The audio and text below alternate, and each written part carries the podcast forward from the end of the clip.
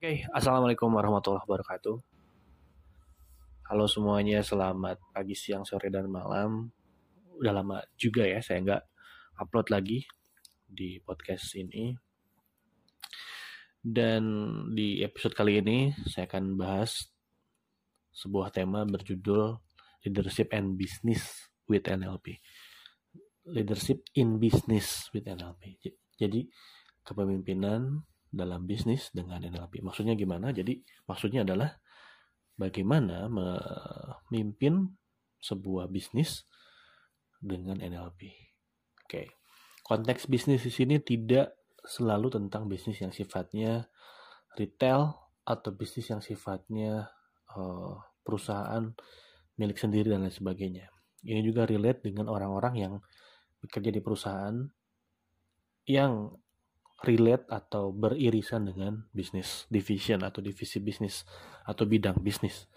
Misalkan marketing, kemudian bisdev atau sales atau customer service dan lain sebagainya. Karena itu semua relate dengan bisnis. Oke, okay, um, termasuk juga bisnis owner ya, bisnis owner atau uh, bisnis yang memang dilaksanakan atau dijalankan secara konvensional.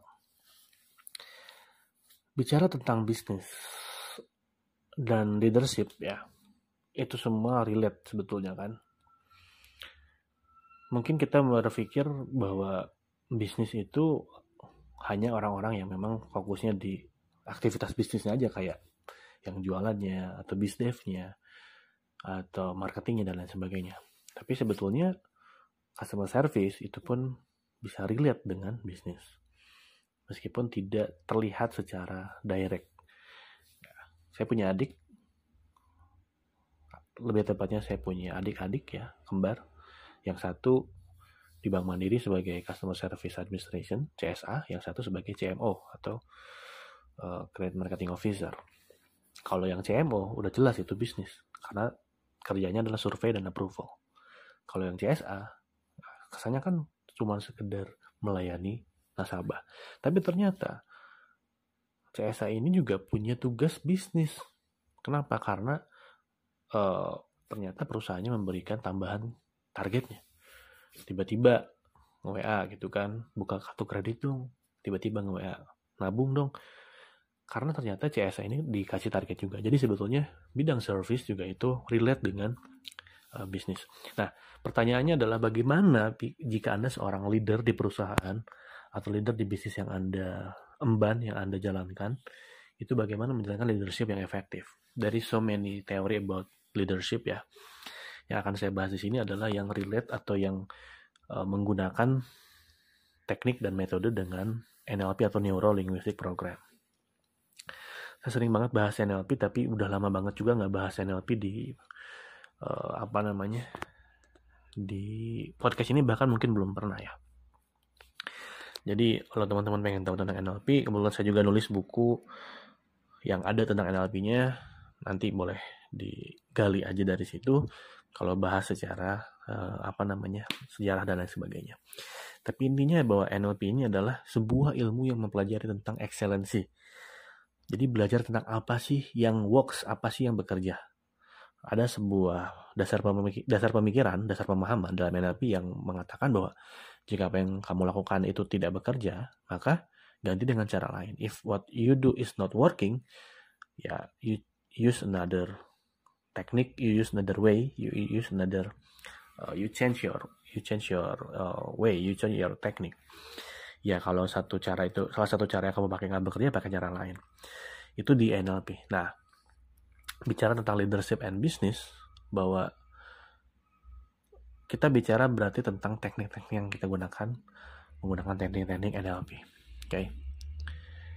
Sebetulnya kalau sudut pandang perusahaan ya uh, atau Anda seorang yang bergerak di bidang uh, yang relate dengan bisnis, semakin tinggi korporasi itu semakin besar apa skupnya, misalkan seribu karyawan atau ratusan karyawan, maka semakin tinggi posisinya, sebetulnya semakin jarang bersentuhan dengan teknis sifatnya penjualan. Itu karena ya biasanya jatuhnya ke leadershipnya. jatuhnya ke bagaimana handling people ya. Saya lulus S2 tahun 2022 mengambil konsentrasi magister manajemen dengan uh, konsentrasinya adalah manajemen sumber daya manusia. Dibanding dengan S1 ketika saya ambil skripsi tentang ekonomi pertanian dengan sub konsentrasinya adalah ekonomi perikanan, itu jauh lebih simpel menghitung bisnis secara matematikanya daripada meng, membuat atau menulis tentang sumber daya manusianya. Karena kalau secara ekonomika atau secara matematikanya itu jelas gitu angkanya. Omset berapa, ya kan, laba berapa dan lain sebagainya. Itu jelas tinggal dihitung selesai. Kalau mau ngitung laba perusahaan, ngitung ROA, RO apa ROE, sorry, ROE maksud saya atau ROI-nya itu kan tinggal ambil datanya kemudian masukin rumusnya selesai. Bicara SDM itu lebih kompleks ketika saya menulisnya. Kenapa? Karena variabelnya aja itu penjabarannya juga luas. Seems like abstract ya. Tapi memang faktanya ketika kita bicara bisnis atau kita bicara leadership dalam bidang bisnis atau bidang apa pun, leadership ini pada akhirnya mengambil peran SDM-nya lebih banyak. Jadi managing human resource-nya lebih besar dibanding teknikalnya. Kalau Anda seorang leader di bidang bisnis atau sales misalkan, maka tugas Anda bukan cuma jualannya, atau bahkan lebih banyaknya jangan jualannya justru. Karena Anda punya tim. Yang jualan tuh tim Anda. Gitu. Tapi Anda bagaimana caranya menciptakan atmosfer yang nyaman buat sales Anda?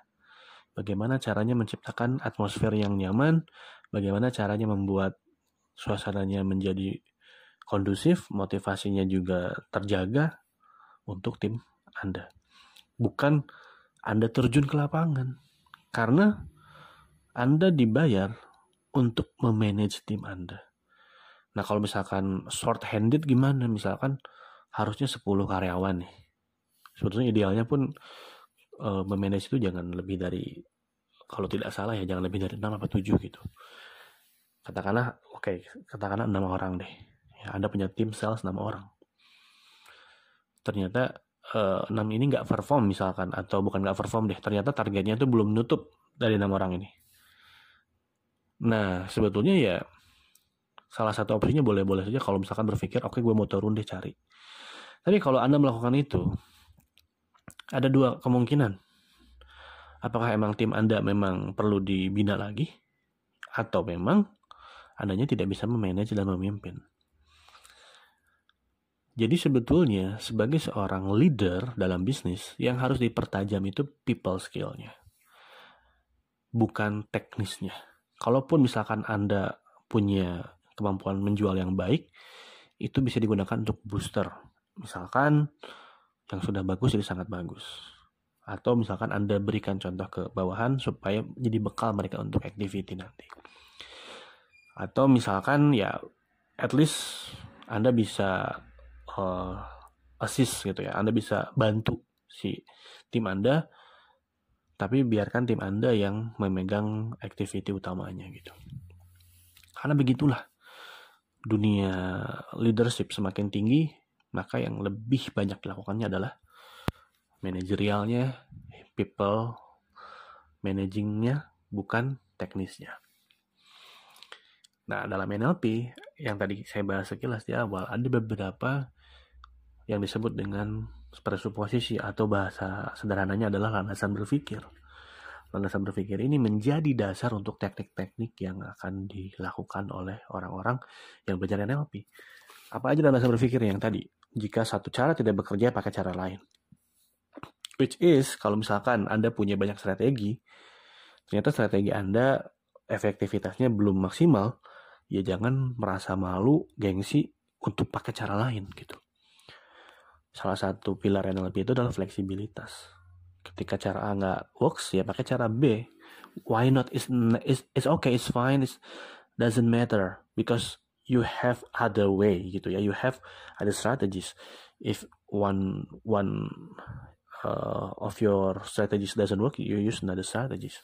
it's okay it's fine gitu jadi kita nggak kaku dengan satu cara misalkan anda punya cara uh, pemasaran efektif dalam bisnis itu dengan online misalkan.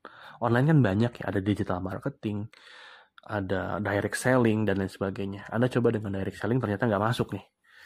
Jangan merasa gengsi dengan oh gua berarti caranya salah. Ya udah aku udah oke okay, ini perlu di evaluate caranya kita pakai cara lain.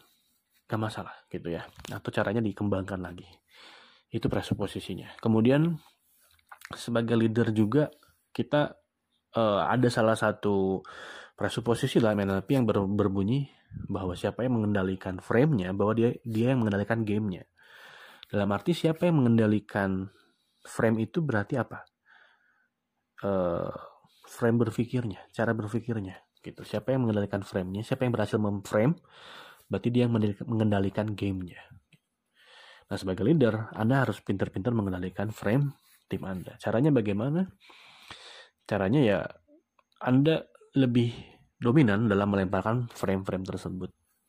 Gitu. Ya, melemparkan frame-frame tersebut Anda lebih dominan. Such as misalkan um, Anda ingin menjaga motivasi tim tetap oke, okay, gitu ya. Anda ingin menjaga motivasi tim tetap terjaga dengan baik. Ketika ada riuh-riuh di kantor pusat yang sebetulnya ya biasa aja, tapi bisa terjadi distorsi pemahamannya jadi beda kalau nyampe ke tim. Nah, Anda lemparkan frame-nya bahwa biasalahnya pusat mah gitu ya kalau kata Sundanya biasalah pusatnya suka riuh ya biasa akhir bulan mah Nah, itu kan cuma sekedar lontaran kalimat seperti itu, tapi sebetulnya itu ada semacam asumsi yang dilempar bahwa ah itu mah biasa, bukan hal yang harus diperhatikan gitu. Itu yang Anda lempar frame-nya. Atau misalkan Anda lemparkan frame bahwa oke, okay, um, kita memang tim yang sangat spesial misalkan ya. Jadi kita ada frame yang mengatakan bahwa Anda itu di appreciate lo sama perusahaan misalkan seperti itu tolong jaga kepercayaan dari perusahaan dengan sangat baik eh, saya sangat berharap dengan performa kalian misalkan ya. Karena yang kemarin-kemarin itu juga udah sangat baik. Tapi tentu kita pasti bisa untuk uh, explore. Kita bisa untuk maintain dan explore. Dan jangan ragu-ragu kalau ada apa-apa untuk komunikasikan dengan saya. Misalkan seperti itu. Itu kan membangun frame bahwa kita mengapresiasi tim dan kita terbuka juga. Seperti itu. Ya. Who control the frame we control the game kemudian ada juga presposisi NLP lain yang berkata uh, ya there is only feedback. Jadi dalam melakukan segala sesuatu oh berarti sebetulnya mindsetnya adalah apa nih feedbacknya? Oh berarti harus improve nih di bagian A B C D nya misalkan. Jadi bukan ke ah gagal maning son misalkan gitu ya. Itu tuh nggak ada dalam kamus timnya. Kenapa? Karena fokusnya ke apa? Ke feedbacknya improve-nya gitu oh berarti kita harus tambah lagi leads-nya oh berarti kita harus improve lagi communication skill kita misalkan oh berarti kita harus gunakan strategi tambahan A, B, C, D, E, dan lain sebagainya. Sehingga fokusnya bukan ke persoalan. That's for today episodes and see you in another episodes. Bye-bye. Assalamualaikum warahmatullahi wabarakatuh.